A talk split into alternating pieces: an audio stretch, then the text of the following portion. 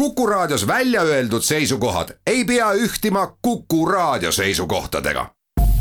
Te kuulate Kuku Raadiot.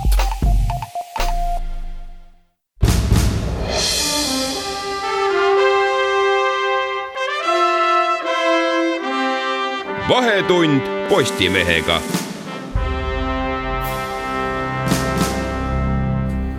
tere päevast, kell siin Kuku raadio stuudios Tallinnas ja ka mujal Eestis on saanud kolmteist null seitse. ning alanud on järjekordne Vahetund Postimehega, nagu igal nädalal. mina olen teie saatejuht Henri-Laur Allik Postimehe uudistetoimetusest, täna on meil tihe saade. proovin siia kolm suurt teemat sisse suruda, saate esimeses pooltunnis arutame selle üle, millised on olnud äh, Kaja Kallase valitsuse esimesed sada päeva ja kes ministritest äh, on teinud kõige parema soorituse, kõige halvema soorituse.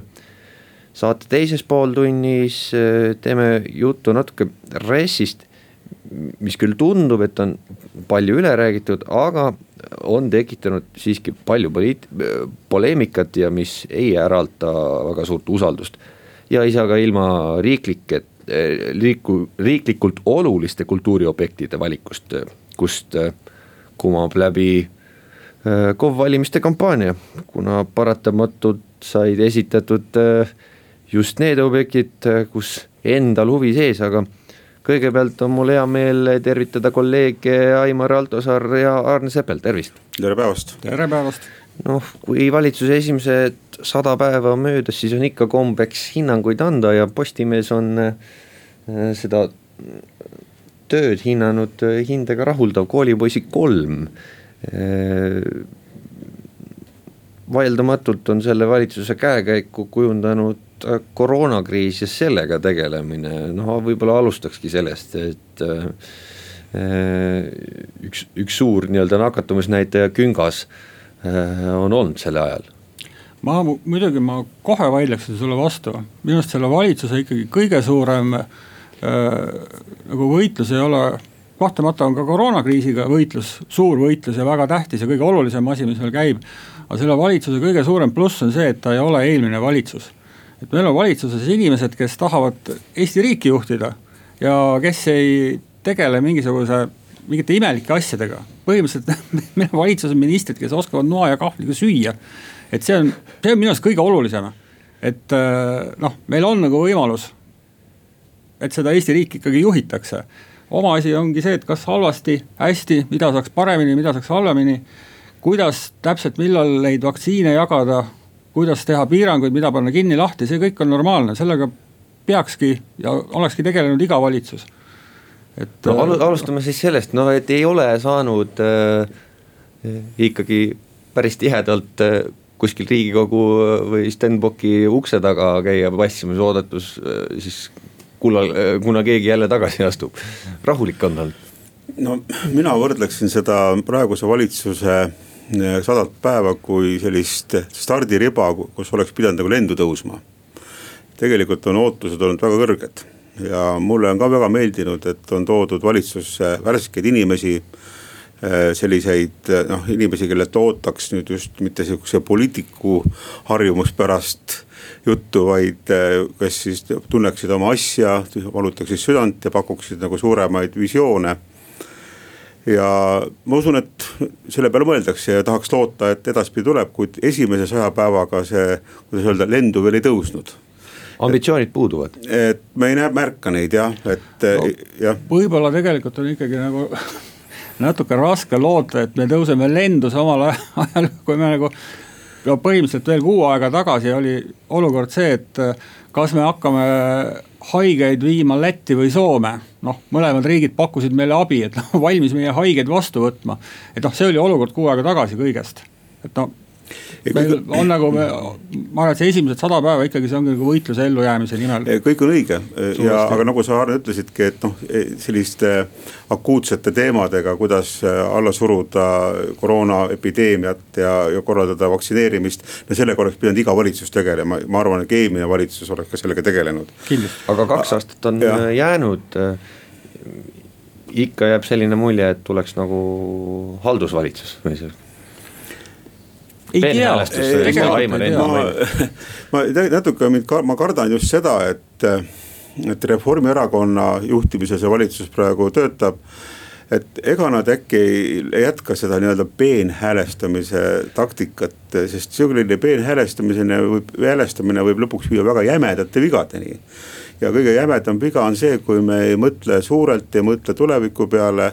ei jälgi, kuidas maailm liigub ja kuidas me selles maailmas nagu oleksime kõige paremini positsioneeritud võib-olla tõesti saja päeva jooksul ei ole neil veel aega olnud, aga ma ei märka praegu, et nad noh, teeksid mingisuguseid pingutusi suurte, suurte.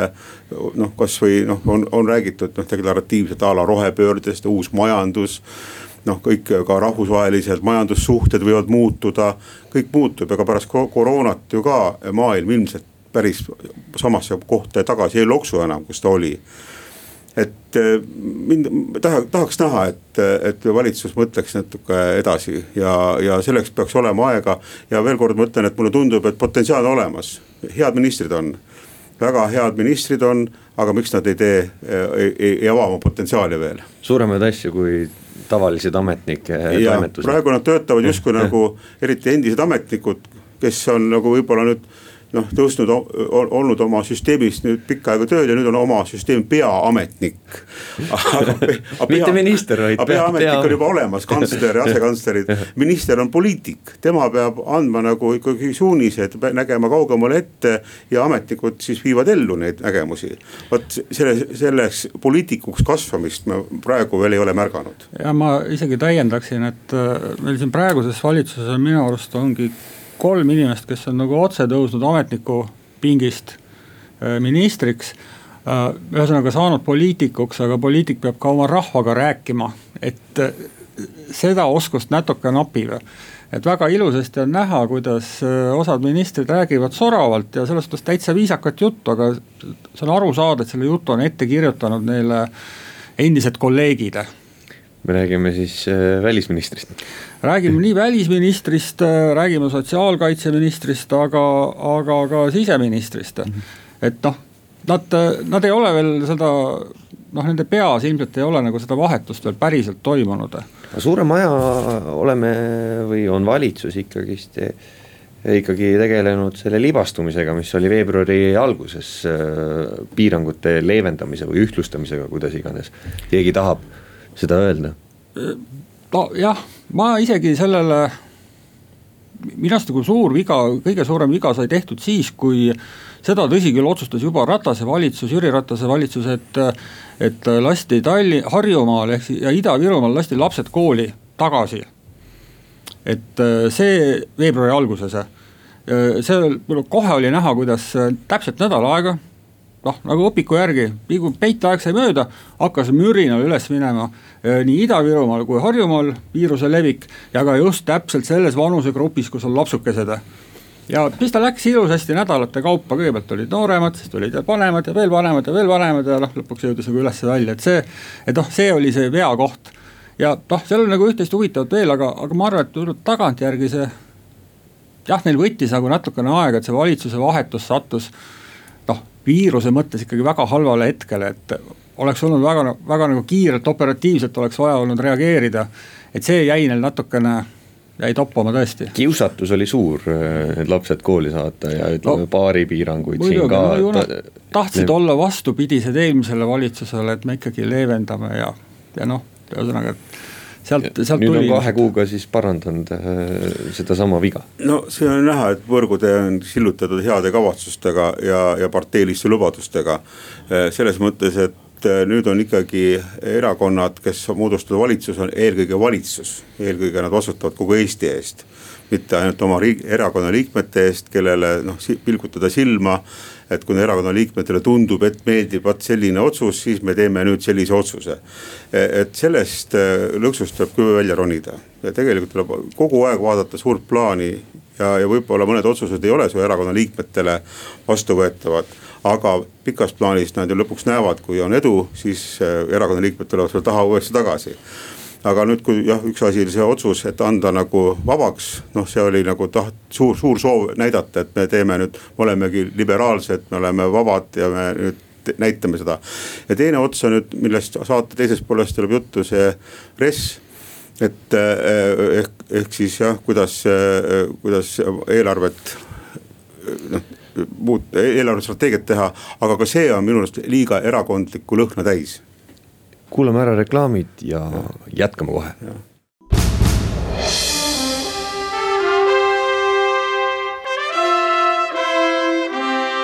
vahetund Postimehega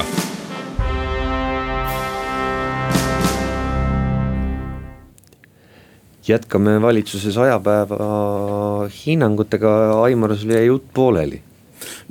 ma lihtsalt tahaksin öelda veel et valitsus ei peaks olema nii-öelda kahe erakonna valitsus, vaid ta peaks olema Eesti rahva valitsus. ehk ka kasutama oma võimalusi eh, noh, anda inimestele julgustavad sõnumid. mis ei tähenda, et sa pead kohe kõike vabaks laskma, aga sa pead seletama, pead andma kindlustunnet ja noh, mitte eh, võbelema ja, ja tegelema sellise peenhäälestusliku eh, noh, hästi arusaamatute kärpimisteemadega, sa, kui sa neid ei oska lahti seletada. et, et e, e, ei ole vaja ärevust juurde, on vaja julg-, on vaja julgustada, on vaja kindlustunnet. RES-ist räägime hiljem veel, aga eh, ma tahaks rääkida rahva lõhenemisest või polariseerimisest ehm, opositsiooni kriitika siis Jüri Ratase juhitud valitsusele, EKRE, Isamaa, Keskerakonna valitsusele oli see, et tegeletakse rahva lõhestamisega, et rahvas on lõhenenud, polariseerunud. kuidas teile tundub, et kas uus valitsus on võtnud uue suuna või on ikka kõik samamoodi? mida see valitsus siin nii väga teha saab, et rahvas on nagu on, sellest ma arvan, et need, kes on, olid äh, jaanuaris ühte meelt, ei ole praeguseks, tänaseks maikuuks oma arvamust muutnud mille iganes kohta ja, ja ka vastupidi, et äh, kindlasti see praegune valitsus ei ole nagu asja eest teist taga minu arust nagu õli tulle visanud. küll aga noh, neil on nagu omad siuksed imelikud kohad, et mida oleks võinud jätta puutumata, seesama legendaarne vihakõneseadus. abielureferendum kaks punkt null. jah, jah, et kus hakkas nagu asi hakkas täiesti käest ära minema, et noh, miks sellega praegu on vaja tegeleda, et jah, ei tea, tegeleme koroonakriisiga aga tundub, et see on vist kuhugi ikkagi nagu tahaplaanile vajunud. just ma, just nimelt selliste asjadega, mis võivad ka potentsiaalselt lõhestada või lõhenemist süvendada, ei ole mõtet praegu tegeleda. tegeleda tuleb asjadega, mis inimesi ühendavad, millest inimesed aru saavad, et selle tõttu läheb nende elu paremaks. ja, ja võib-olla on nad hakanud sellest aru saama, tõepoolest selliseid lõhestavaid asju ei ole vaja. küsimus, kas on nüüd lõhest üle saadud, ma olen nõus Aarnega, et see ei ole nii, nii kiire et inimesed jäävadki paljudes küsimustes eriarvamustele, aga mulle tundub siiski, et seda auku sügavamaks praegu ei kaevata et eh, ehk on seisma jäädud ja, ja proovitakse ikkagi ühiskonda uuesti liita, ma nagu näen, et potentsiaal on olemas mm. -hmm. kuna Postimees on eh, hinnanud eh, ministreid eraldi, siis vaatame ka neid. võib-olla alustaks peaministriks, Kaja Kallas. mida te arvate esitusest? hämmastav näide, kuidas inimene areneb, see peaminister, kes võttis jaanuaris äh, Jüri Ratta tooli üle, ta oli alguses väga rabe, väga, ta oli näha, ta oli närvis sõna otseses mõttes ta oligi närvis ja, noh, samas ta muidugi püüdis väga hoolekalt küsimustele vastata ja seletada ja võib-olla ta isegi proovis liiga palju seletada. Äh, ta on hämmastavalt arenenud, võib-olla ta ei ole nagu sihuke ide, ideaalis veel, et arenemisruumi on, aga, aga ta on muutunud palju enesekindlamaks ja, ja ta suudab riigikogus esinedes ka nalja visata ja, ja, ja kui keegi seal väga sõnakaks muutub, siis nagu näpsab vahe vastu ka. et noh, ta on arenenud. ma olen ka nõus, et ega kes inimene, kes satub peaministri või ministri kohale, kui tal on ikkagi juba elukogemus taga ja haritud, küll ta õpib ma arvan, et kõik nad võivad õppida. ainult üks asi, mis, millele tuleks nagu rohkem jälle tähelepanu pöörata, ma ei jätka seda, ei jäta seda rõhutamata, ikkagi see empaatia. et kõike, mida sina ütled, seda, seda kuulatakse, seda tõlgendatakse, püüa aru saada, kuidas võtavad erinevad inimgrupid neid sõnumeid vastu kui ise ei jõua noh, kõigile, kõigile jälile, siis küsi kellegi käest. et arutage, et see empaatia ja mõistmine, kuidas inimesed tegelikult praegu elavad ja kuidas nad sõnumitest aru saavad, mida nad ootavad. see on väga oluline ja see on võib-olla kõige suurem puudus nii peaministril kui ka paljudel teistel ministritel praegu, nad ei mõista, mida inimesed tegelikult ootavad. kes on kõige parema soorituse teinud, me oleme üldine hinnang on rahuldav, aga on ka neid, kes on säranud mõnes mõttes. õudselt raske on tegelikult kolme kuu põhjal ministrit tööd hinnata, noh praktiliselt võimatu. kõige parema mulje on kaheldamatult jätnud Kristian Jaani, et see on täielik lotovõit Keskerakonnale. põhimõtteliselt nagu kriminaalide gäng sai endale noh, ta sai endale nii-öelda hea politseiniku. et selles suhtes, kui Kristian Jaani tahaks, ma arvan, et äh, ta on nagu ainuke mees, kellel on nagu suutlikkus see korruptsioon sealt Keskerakonnast ja see kriminaalsus sealt Keskerakonnast nagu välja juurida ja, ja noh, tõeline suuna, suunamuutus teha. noh, Jüri Ratas ainult rääkis, aga kuritegusid tegid, tegid kõik endiselt edasi, mitte midagi ei muutu no,. siiamaani tehakse siiamaani tehakse, aga Kristjan Jaani, ta suudab selgelt, konkreetselt vastata, see on täiesti hämmastav. ja, ja noh, ta räägib inimese juttu, ka ebameeldivatele küsimustele ta vastab ta ei hakka mingisugust mulli ajama nagu noh mõni me, teine mees. ma olen Aarnega nõus, noh ilmselt tal on jah õppimisruumi veel kõvasti, sest et see, kuidas ta nende Toompea Vabadusplatsi meeleavaldustel ilmselt tegi õpiku järgi kõik õieti nii-öelda. aga see oli tema suurim viga. ja, ja, ja ehk nad õpivad sellest, et sihukestes kohtades olukorras peaks paindlikumalt reageerima. nii nagu valitsuse liikmed ja ka koalitsioonipoliitikud oleks võinud ka minna Toompeale rahva sekka suhelnud vähemalt aga mida sa lähed rääkima inimestega, kes on potentsiaalselt nakatavad sind? ei, ma, ma arvan. mida sa räägid sellisega? ma arvan, et oleks pidanud minema rääkima. hea küll, meil aeg on piiratud, räägime, hea esituse tegid veel siis äh, Andres Sütt. Liina Kersna, Anneli Ott ja Jaak Aab, aga nüüd räägime hal-, halbadest ministritest, no me oleme kõige madalamale pannud Tõnis Möldri ja, ja kes on olnud no ta nagu nimetatakse plenn. jah, ja tema, kuigi ma pean nagu tema kaitseks ütlema, et ta vähemasti ta on üritanud hakata vist endale valdkonda selgeks tegema, et aga noh, see taak ikkagi, mis seal keskkonnaministeeriumis on, et sellega on väga, väga keeruline. et noh, kas ta, kas ta nagu aasta pärast on järje peale jõudnud väga kahtlane. ja on ka palju ministreid, kes ei ole midagi nagu teinud või ei, ei tundu, tundu, et midagi liigub. jah, minu lemmik on Urmas Kruuse, kelle puhul kõik muud ministrid ma suutsin paugust kirja panna. maaeluminister, kes see meil on?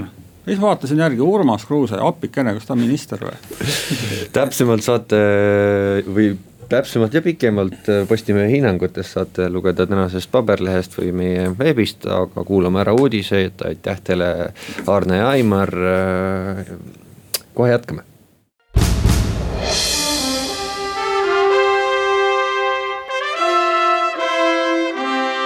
vahetund Postimehega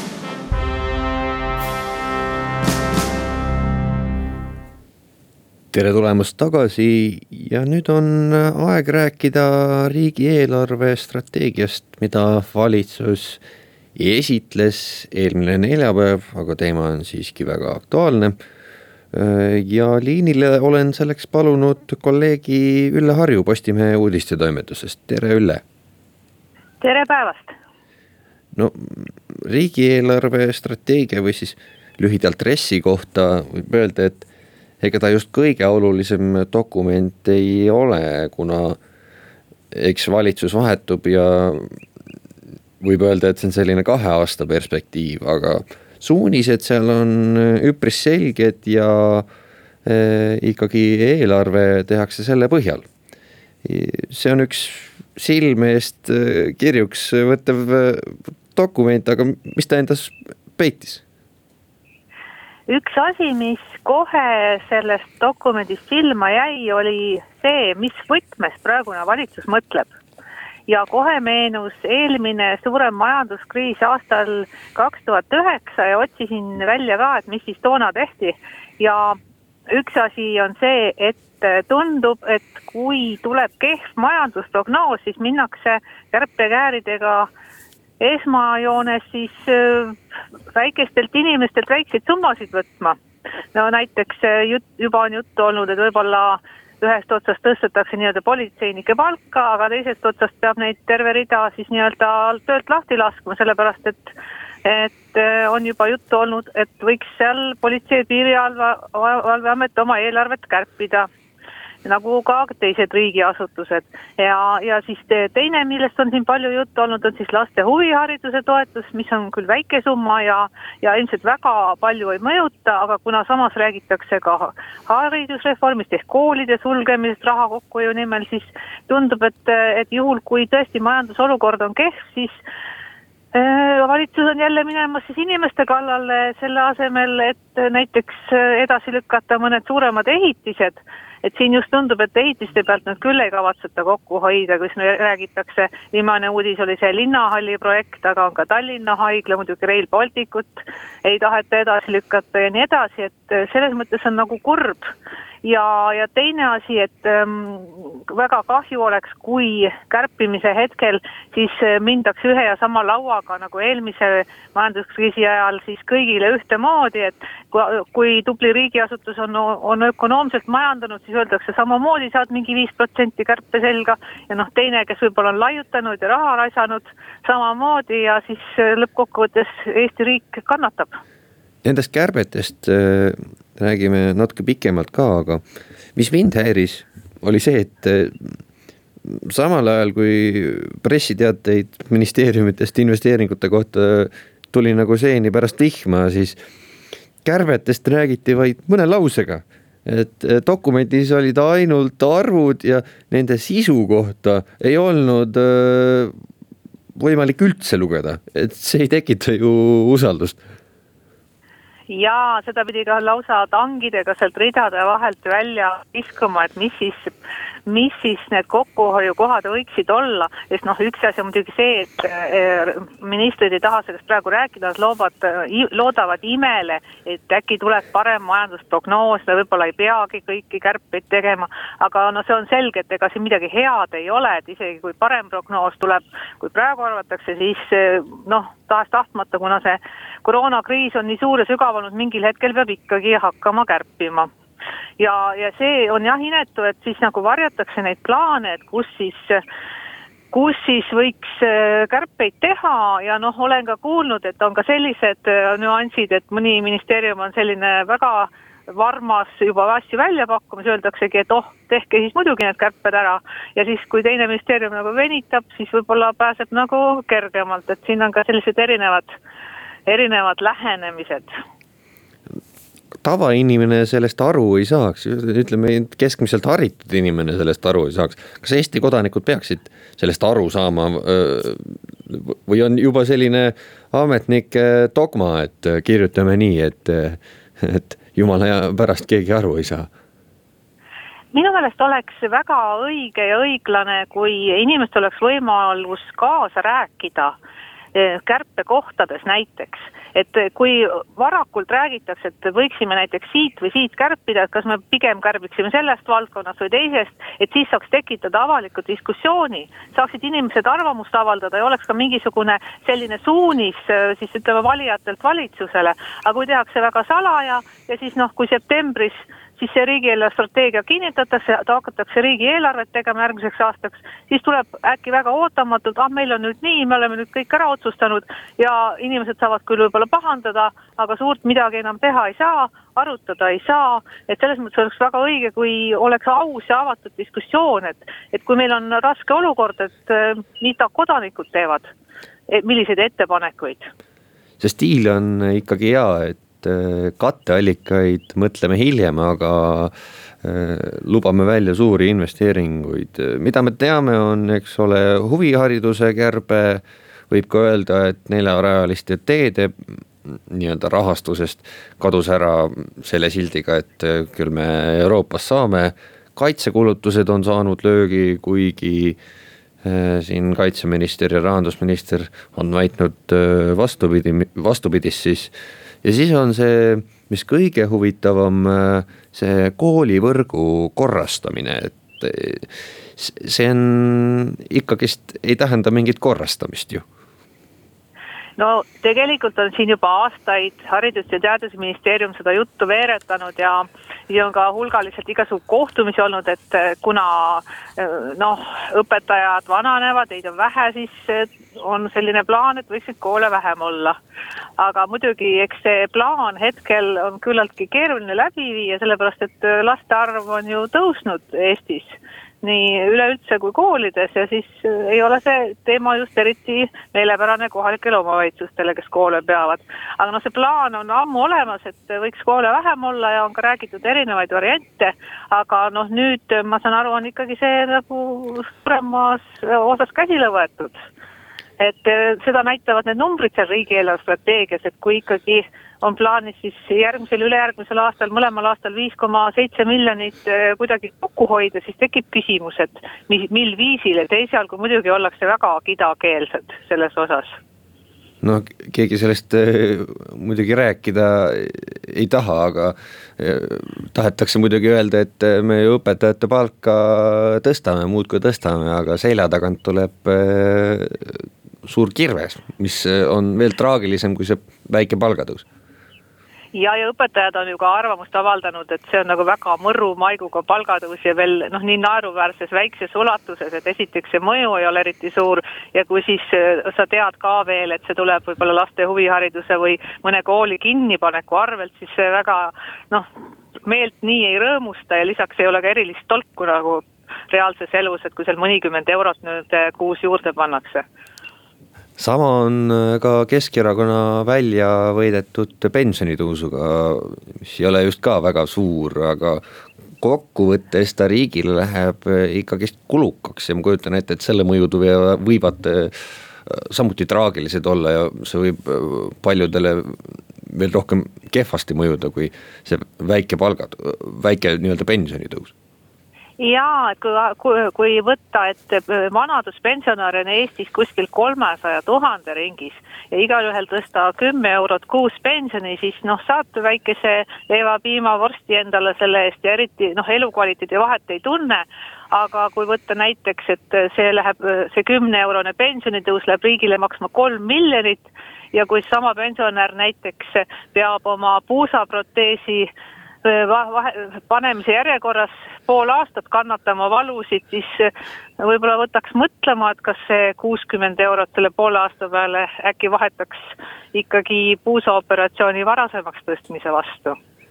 ja noh, nagu, nagu ka näha, siis on neid äh, nii-öelda investeeringuid ja palgatõuse siin veelgi, et äh, aga kärpeid tegevuskulude pealt äh, kuuskümmend koma neli miljonit, et kindlasti neid kärpeid, mida me sealt ei suuda välja lugeda, on veel kahtlemata ja ka siin on viidatud, et noh, kui võrrelda eelmist riigieelarve strateegiat ja seda, mis nüüd tehti, et siis tegelikult äh, vahe on veel suurem, et lihtsalt kommunikeeritakse ainult seda kuutkümmend miljonit. et tegelikult on noh, nagu kärpeplaanid järgmiseks aastateks suuremad, aga noh, siin on, siin on tegelikult, äh, kui vaadata seal riigieelarve strateegia ridade vahel, siis palgatõuse plaanivad ka teised ministeeriumid, et ei ole üldse mõeldud ainult siis õpetajaid, politseinikke, päästjaid, et siin ka keskkonnaministeerium ministeeriumi haldusalas on palgatõusud plaanis ja ja, ja nii edasi ja muidugi, mis veel jäi silma, et mõned kohad olid, et kus siis plaanitakse raha juurde saada ja üks oli näiteks riigimaa müük. et see on ka selline eh, huvitav asi, et kui eh, on paljud põllumehed no, siin eh, soodustingimuselt riigimaad rentida, siis need lepingud on nüüd siin paljud lõppemas ja siis riik kavatseb selle maa põllumeestele müüa, aga kuna maa hind on päris krõbe, võib arvata, et, et ega see põllumeestele väga ei meeldi. Tegelikku pilti näeme septembri lõpus, kui valitsus peab riigieelarve kinnitama, edasi jääb ainult loota, et me midagigi varem teada saame, aga üle olen sulle tänulik, kuulame ära reklaamid ja jätkame saatega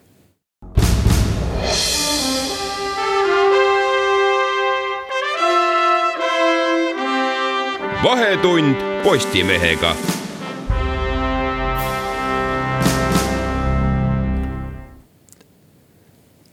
tere tulemast tagasi ja nüüd eh, hakkame rääkima kultuuriobjektidest, mis on ühiskonnas laiemalt viimasel ajal väga palju poleemikat tekitanud ja selleks olen liinile palunud enda kolleegi uudistetoimetusest, eh, tere, Meinhard Pulk. tere. Riigikogu kultuurikomisjon otsustas eh, siis esmaspäeval teha täiskogule ettepanekud nimetada Kultuurkapitali rahast toetata, toetatavaks äh, riiklikult tähtsateks kultuuriehitisteks neli objekti, need on siis Tartu Südalinna kultuurikeskus, Narva Kreenholmi kultuurikvartal, Arvo Pärdi nimeline muusikamaja Rakveres ja Rahvusooper Estonia juurdeehitus. Kuidas kultuurikomisjon seda valikut põhjendas? Kultuurikomisjon põhjendas sellega, et regionaalne tasakaal oleks kindlasti täidetud, et kui siin enne komisjoni otsust oli juba enam-vähem avalik saladus, et Estonia ja Süku on need kaks, kes kindlalt saavad, üsna kindlalt saavad need toetused endale, siis pisikese üllatusena selgus lõpuks ka, et Rakveresse ja Narva saabuvad need rahalaevad ning neid siis peamiselt just põhjendatigi just äh, piirkondlike, piirkondliku mitmekesisusega, mida siis see valik peaks tähendama et võrdlemisi äh, oodatav äh, valik, välja arvatud siis viimased kaks. Saad sa aru, oli komisjonis ühine meel või läks seal ikkagist vaidluseks?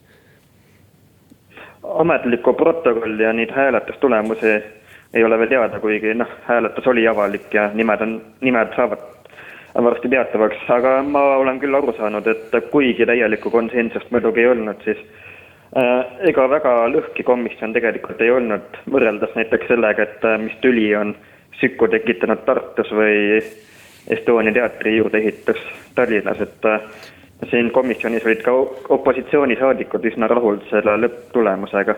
et näiteks Helle-Moonika Helme, kes on Estonia, Rahvusooper Estonia nõukogu liige, et tema oli väga rahul tulemusega ja ka teised opositsioonisaadikud olid suures plaanis üksmeelel, kuigi üksikuid erisusi muidugi ja lahknevusi hääletuse tulemustes võis ette, ette tulla. nii et nädala pärast äh, me hakkame kuulma uudiseid, äh, milline saadik mille poolt hääletas ja see nii-öelda diskussioon läheb veelgi käima just, siis saab täpsema pildi ette. aga kui neid äh, kultuuriobjekte nüüd vaadata, siis siit on selge näha, et KOV valimised äh, on tulemas ja arvata on, et saadikud proovisid, e-, arvestades, et äh, hääletus on avalik, see kõik tuleb äh, see kõik on lõpuks rahvale teada, siin, et siin mindi valijale nii-öelda muljet avaldama, pro-, proovitakse ikka valijale meeldida? no kahtlemata kohalike omavalitsuste valimised silmapiiril on siin, et kõige silmapaistvamalt võib-olla just Tartu ja Süku, et kultuurikomisjon on üsna pungil täis tartlastest. Ja Reformierakonna jaoks on üsna tähtis see, et Urmas Klaas säilitaks linnapea koha Tartus ja ma arvan, et Süku on niisugune hea trofee või pinnas, mille pealt sügisesteks valimisteks vastu minna. Ja samas Keskerakonna jaoks on Narva selline, selline kriitiline koht ja sellega võiks põhjendada Kreenholmi edu. ning sama on ka Rakveres tegelikult, kus Keskerakond on äh, valitsuspartei seal. nii et äh, neid kokkupuutepunkte kohalike omavalitsuste ja kultuurikomisjoni vahel on päris palju no Süku puhul on veel eriti näha, nagu sa ise tõid ka välja, kultuurikomisjoni liige on ka Signe Kivi, kes on endine Tartu kunstimuuseumi direktor, mis peaks siis lõpuks ka Sükusse kolima, omale paremad ruumid saama ja noh, Narva Narvas on Keskerakond praegu või, võimul, Katri Raigi küll sotsiaaldemokraadi juhitud valitsus siis ka Eduard Odinets äh, on äh, ikkagist Kohtla-Järvelt pärit ja seal on ähm, samuti näha, et äh, Ida-Virumaa investeering ja neid, neid sidemeid on siin justkui väga palju, Üllar Saaremäe ka pikk, pikaaegne Rakvere teatri peanäitejuht, ma kujutan ette, et on Arvo Pärdi nimelisele muusikamajale oma hääle andnud. just, et neid nagu öeldud, kokkupuutepunkte on päris palju, et äh, isiklikke eelistusi, et neid ei saa kuidagi eitada ja ma arvan, et see, kuidas need jagunesid kokkuvõttes, see kajastab ka seda, et milline on kultuurikomisjonis nende saadikute päritolu regionaalses mõttes, et noh, oli näha, et üsna palju Tartu saadikuid on kultuurikomisjoni sattunud ja see kajastus lõpp, lõppkokkuvõttes ka hääletustulemuses ja Süku edus näiteks ja Rahvusooper Estonia juurdeehitus võib siis olla selline asi, mis on kõigile nagu komm? Just, kultuurikomisjonis vähemalt nii tundub olevat, et äh, sealt ei ole neid vastu, vastuhääli või kriitikat ka kostnud, et äh, noh, äh, üks opositsioonisaadikuid on Estonia nõukogu liige, nii et see peamine konflikti koht on siin just Tallinna linna ja keskvõimu vahel siis just. Ometi sama partei võim, Keskerakonna siis. nojah, jah, aga nagu me oleme muudes paljudes küsimustes näinud, siis Keskerakond on mitme peaga lohe, kus neid erinevaid vaateid ja vastuolusid on üsna-üsna palju, et äh, see on paratamatu vist äh, Keskerakonna puhul, et natukene kokku, kokkupõrkekursil ollakse mingites küsimustes. sisuliselt võib öelda, et nende objektide vajalikkuse või kuidas, kuidas, need peaksid tulevikus Eesti riiki teenima, et selle peale nagu väga mõeldud ei ole. ikkagi kultuuribetoon ja me saame seda, sellega valijaid meelitada ja KOV on ju tulemas. nojah, kui tsiteerida üht ehitusfirma reklaamlauset, siis saagu mis saab, aga betoon jääb ehk mingis mõttes on see paratamatu ja igipõline küsimus, et poliitikute jaoks on äh, kolossumid ja templid ahvatlevamad kui näiteks töötajate palgatõusud, mis laiema avalikkuse jaoks jääb ju varjatuks. et siin võrdluse võiks tuua haridussüsteemiga, et seal on sama lugu, et kus luuakse modernseid ja uusi koolimaja hooneid üsna usinalt, aga samas õpetajate palgad on äh, üsna kehvas positsioonis aga noh, samas on loomulikult ka positiivne, et äh, uusi hooneid on samamoodi vaja aga needsamad saadikud saavad ikkagi äh, aastaid ja aastaid, äh, kui need hooned valmivad ja veel hiljem väita, et no vot, meie erakond andis hääle sinna ja meie tegime ära. no aga samas eelmine kord, kui Kultuurikapital rahastas riiklikult tähtsaid Äh, objekt oli üheksakümne, üheksakümne kuuendal aastal ja kui palju me nüüd mäletame, kes täpsemalt, milline partei siis toona ERM-i ja kunstimuuseumit toetas ja rahastas, nii et me räägime siin ka hetkel viieteist aasta, viieteist aasta perspektiivist ehk ülipikast ajast.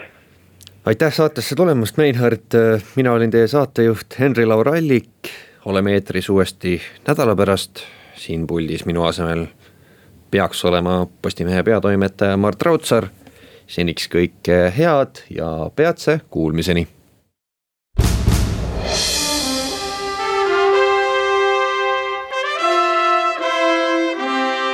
Vahetund Postimehega